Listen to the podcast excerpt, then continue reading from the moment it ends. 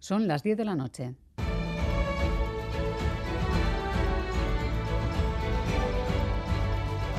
Radio Euskadi y Radio Vitoria. Servicios informativos. Repasamos los titulares de la jornada con John Fernández Mur, Gabón. Gabón, Miriam, noticias de este martes 24 de febrero, en el que se cumple un año del inicio de la invasión rusa de Ucrania. El presidente ucraniano Volodymyr Zelensky ha asegurado en Kiev en una rueda de prensa de casi tres horas ante cientos de periodistas internacionales que la victoria de su país es inevitable.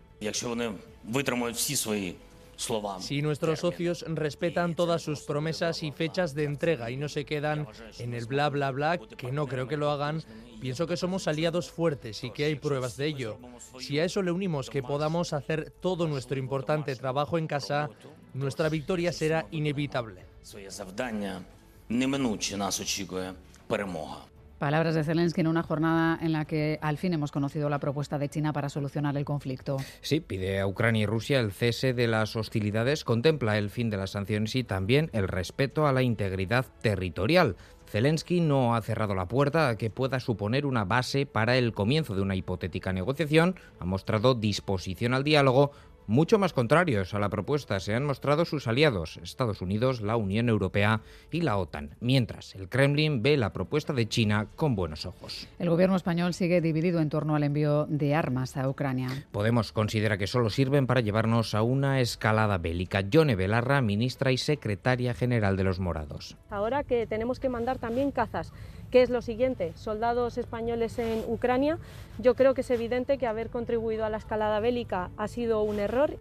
Le respondía la ministra socialista María Jesús Montero. Somos un partido que siempre ha impulsado la paz, así que si ha dicho eso, pues probablemente sea porque están ya calentando la banda para las elecciones y quieren diferenciarse en una materia que todo el mundo sabe que es mentira y a lo largo y ancho del planeta muestras de apoyo en este viernes 24 de febrero a Ucrania. Entre ellas la manifestación que ha recorrido esta tarde las calles de San Sebastián. Cientos de personas con un deseo unánime, el fin de la guerra. Natalia Mijailisevska, Asociación Ucrania-Euskadi. Por favor, parar esta guerra. Por favor, será el cielo. Hacer algo. Pidiendo a todo el mundo, a toda Europa, por favor que Ucrania está aquí, está a la vuelta de la esquina. Ucrania no es un país que no sé dónde, estamos aquí. Somos europeos, igual, igual que vosotros. Y ahora mismo Ucrania está haciendo como el escudo a Europa. Si caemos nosotros, vienen aquí.